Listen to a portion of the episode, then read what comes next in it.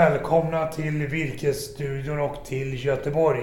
Jag står här med Carl-Johan Moberg precis som vanligt och jag heter Per Hedberg. Virkesstudion görs utav Virkesbörsen men också i samarbete med Ludvig och Company och tidningen ATL. Och de kan man läsa om på ludvig.se och på atl.se. Vi ska komma tillbaka till en Ludvig-rapport lite senare kring hur optimistiska skogsägarna är i skogen i Skogsbarometern som kom alldeles nyligen. Ja men det gör vi. Bara en liten återkoppling. Om vi står i Göteborg. Bakom oss här så eh, har vi Paradgatan Avenyn. Men sen ligger Dicksonska palatset där bakom. Och Dixon är en sån känd Göteborgsfamilj som har stått för mycket donationer och byggnationer av hus. Men det var ju även en familj som gjorde sin egen, eller sin rikedom en gång för många hundra år sedan då på skogs och järnindustrin. Och hur man då skeppar ut virke här från Göteborg ut i vida världen. Men det var ju inte bara eh, skogsråvaror utan det var ju även andra kolonialvaror som man handlade mycket med. Mest kända kanske också för Baggböle sågverk och det värp som kommer därifrån. Ja men det är det ju faktiskt. Alltså skogarna här nere i Västra Götaland räckte ju inte till utan då letar man ju sig norrut och då trakterna runt Sundsvall. Alltså att det är skogsinnehav eller det är skogsbruket som man bedrev då. Det är ju det som ligger mycket grund. Eller skogarna ligger ju grund där idag. Som man kanske planterar igen där. Du, det är recession i Sverige så att BNP krymper, ekonomin går tungt, räntorna går upp, inflationen börjar komma ner men har ju drivit på då räntestegringen. Men, men skogsägarna är optimistiska ändå. Hur är läget i skogen tycker du? Nej men överlag så alltså som vi har pratat om så är ju skogsägarna eh, positiva. Man har ju drivit en verksamhet under flera år. Man har ju haft den här timmerpris eller virkesprisuppgången under många år och man har ju kanske passat på att göra sina avverkningar och sådär. Så att det finns en optimism. Sen är det ju så att det skiljer sig ganska mycket vart i Sverige vi är. Eh, här i Västra Götaland som inte alls är... Jo, det finns granbarkborre men man är ju inte alls så hårt drabbad som man är till exempel i Sörmland. I Sörmland är man ju finns det ju fastigheter som inte finns någon skog kvar på. Men här nere så är det ett helt annat läge. Så det skiljer sig väldigt mycket vart man är om man frågar. Men det är lite grann en paradox just nu tycker jag. För att det är lågkonjunktur och tillväxten går ner och det går tungt för sågverken. Och byggandet, nybyggnationen i Sverige har fullständigt kraschat. Från att vi bygger 75 000 nya bostäder per år till kanske vi bygger 20-25 000 nya år. Så det är en otrolig nedgång. Men trots det så seglar liksom skogsägarna igenom den här lågkonjunkturen och får bara bättre och bättre betalt för virket och upplever en stärkt lönsamhet i skogsbruket. Ja, och sen tror jag det handlar mycket om det här som vi har pratat så mycket om att eh, vilka intäktsmöjligheter kommer komma på en skogsgård på sikt. Det är sådana, jag tror att vi har pratat om det i många år men jag tror att skogsägarna bara faller in i det här nu. Det är andra saker som kommer att göra att jag får intäkter på min fastighet kanske inom bara ett par år. Så att man ser nog tillförsikt på. Men sitter man i en situation att du inte har kanske sådär jättehöga lån. Du har pengar på ett skogskonto som du kan klara av, klara av amortering och ränta under ett par år. Då tror jag att man känner sig rätt nöjd. Och det är klart nu när lönsamheten stiger i skogsbruket då har man en del skogsägare pratar om att hugga mindre men får ändå ut lika mycket pengar för att nettot är högre. Medan andra hugger lika mycket och tar ut mer pengar. Några tips och tricks kring hur man ska tänka som skogsägare?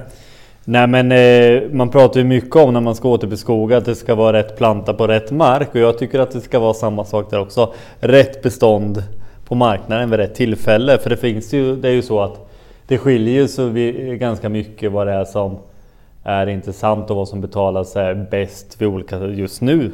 Alltså grantimmer är ju sån vara som är standardvara men har du den där grantimmerposten som kan få fram volym, en snabb volym vid exakt samma tillfälle. Det kan ju ge, sig, ge mycket, mycket mer pengar i plånboken. Sen så är det ju så så ska man hålla igång. Alltså vi har historiskt sett höga massavedspriser. Så den här gallringen är det ju ingen större del kanske med att vänta utan passa på att ta den. Törs vi säga någonting framåt om massavedspriset, massamarknaden fick vi höra lite grann om igår också. Ja, alltså det är ju så. Man måste ju hålla koll på massamarknaden. Den har ju gått lite svagt uppåt här under under sista månaderna där. Men experterna tror ju att det är ganska så plan utveckling på det här framöver. Och mycket är avhängt vad som händer i Kina. Eller i Asien i stort egentligen, var det tar vägen. Så, att, så, så, så, så massapriset alltså på färdigmassan kommer nog ligga ganska stabilt här. Men då vet vi att det varit nere och bottnat. Säger ju många andra. Och då har vi då fortsatt det höga massavedspriset. Så det tycker jag ska bli jätteintressant att följa då om även massavedspriset hänger på när det kan bli en uppgång. Oavsett vad som händer efter det kinesiska nyåret, om kineserna fortsätter köpa massa eller inte, så vi har fortfarande sanktioner mot Ryssland och mot Belarus och det saknas mycket virke i det östersjöiska systemet. Och nu har vi också kunnat läsa om att mycket av stadsskogarna i Polen, de tappar sin FSC-certifiering. Vilket gör att IKEA då får backa på FSC-kravet och det borde ändå kunna betyda att det blir en större efterfrågan på FSC-virke från Sverige, eller tänker jag fel? Nej, men det är helt rätt och jag tror ju som markägare, jag tycker det här är faktiskt en fråga jag tycker är att man ska vara certifierad. Det påkommer vissa krav och grejer de måste följa men Alltså man, man äger, alla pratar om att det är långsiktigt att äga en skogsfastighet. Ja men då ska man ta lite större ansvar också tycker jag. Vi har faktiskt sett en hel del, framförallt i Mellansverige på virkesbörsen, att certifieringspremien har stigit senaste året. Så att det betalas lite extra för certifiering nu jämfört med för ett år sedan och jag tror att det är en trend som vi kommer att se mer av. Ja, ja och det är som Södra som har sin naturvårdspremie och lägger på på vissa saker. Det kan ju bli en bra tillskott i kassan på det. Du, alldeles nyligen så släppte Swedbank och Ludvig Company Skogsbarometern och det är liksom en temperaturmätning på hur skogsägarna ser på skogen och lönsamheten i skogen framåt. Skogsägarna är obotliga optimister, det slår mig nästan varje år. De, de upplever nog ofta att de har skog i ett prisdike, de får för dåligt betalt. Men det kommer att bli så mycket bättre. Och i år så är man väldigt positiv både kring sågtimmer och massaved och avverkningsviljan verkar ändå vara stabil. Men jag tänkte, jag var först träffa Jörgen Kenneman som är ekonom på Swedbank och han redde ut de viktigaste sakerna i årets skogsbarometer. Så jag tänkte vi tar och kollar på det.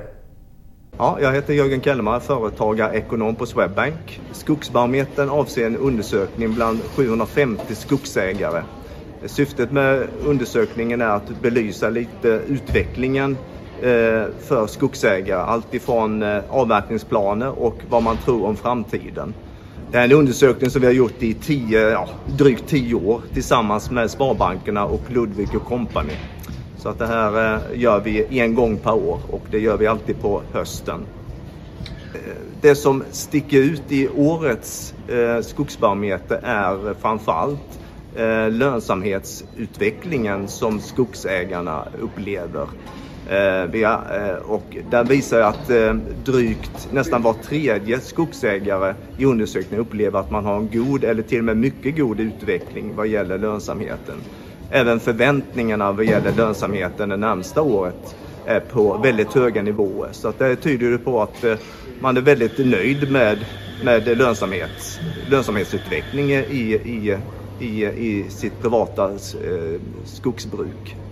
Man kan ju fråga sig eh, varför den här, eh, varför man är så optimistisk, eh, varför man upplever att lönsamheten är så pass hög. Det kan man ju fråga sig med tanke på de ganska dystra konjunktursignalerna vi ser här med risk för lågkonjunktur och så vidare.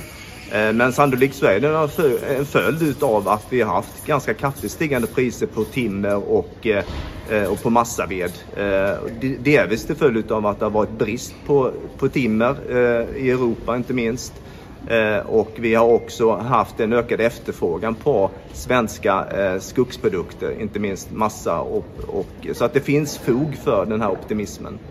Eh, en bidragande faktor till den här goda lönsamhetsutvecklingen är ju, är ju naturligtvis för skogsägarna att, att kostnadsutvecklingen, insatsvarupriserna på olja inte minst, har varit ganska stabilt här. Eh, trots eh, osäkra geopolitiska eh, händelseutveckling, inte minst i Mellanöstern, så har oljepriset varit ganska eh, återhållsamt, inte farit iväg som man kanske har trott. Utan det här är väl sannolikt också en effekt utav att konjunkturen globalt sett är ganska dämpad. Så att eh, oljepriset har av det skälet hållits på, på lägre nivå än vad vi kanske hade förväntat oss. Så att det har ju naturligtvis också gynnat eh, skogsägarna. Eh, ja, avvaktningsviljan, eh, ja det styrs naturligtvis väldigt mycket av vart priserna är på väg. Och eh, nu passar sannolikt en del skogsägare på att öka avverkningen. Eh, det så vi, ser vi också i skogsbarometern att andelen som har avverkat under den senaste perioden har ökat. Det var nästan 46 procent tror jag som upp, eh, uppvisade att man hade ökat avverkningen under den senaste perioden. Och även planerna för nästkommande säsong har, har ökat. Eh, jag tror det var upp mot drygt 40 procent av skogsägarna planerat att öka avverkningen för, för nästkommande säsong. Så att det tyder ju naturligtvis att de höga priserna på, på eh, timmer men också massaved eh, uppmuntrar naturligtvis eh, till att man kanske avverkar. Speciellt om man har en, en, en en, en, en skogskvalitet som, som är eh, fördelaktig så kanske man passar på i, i det här rådande läget. För det visar ju naturligtvis också, förutom att skogens eh, lämplighetsgrad, så är naturligtvis priset en viktig faktor till att man, varför man väljer att avverka. Eh, det är också ganska tydligt som vi ser i skogsbarometern att det är en, en viktig indikation. Eh, det som också är intressant, som vi också ser i barometern, är att, att det inte bara är virkesproduktion som ett sätt att få in intäktskällor via skogen, utan det är alltifrån eh, rekreation, jakt till att man ställer om till att använda sig utav kolsänka. Man använder skogen som energi Eh, eh, använda eh, skogen som energitillgång eh, till nya alternativa energikällor som också är en möjlighet för alternativa eh, eh, intäktskällor för skogsägaren som är, som är väldigt spännande och intressant. Eh, ja, vi har ju sett väldigt kraftigt stigande räntor här under ett års tid i alla fall i samband med Riksbankens räntehöjningar här. Vi har ju sett räntor som, som vi inte sett på de senaste tio åren och frågan är hur det kommer påverka att vara skogsägare. Ja, generellt sett så är skogsägarna ganska lågt belånade. Eh, eh, I vår undersökning så är det knappt 40 procent som har eh, någon typ av skuld på sin fastighet. Men det finns dock stora skillnader mellan olika typer av åldersgrupper och framförallt är det de som är äldre, alltså över 60 år, de har ju knappast någon skuld alls på sin fastighet. Det är bara 30 procent av den populationen som har en skuld. Mellan de som är yngre än 40, ja där är det 70 procent. Så det är en ganska stor skillnad. Skulle ni vilja läsa eh, Skogsbarometern eh, så får ni gärna gå in på Swedbanks hemsida swedbank.se företag. Men ni kan också gå in på Ludvig och Companys hemsida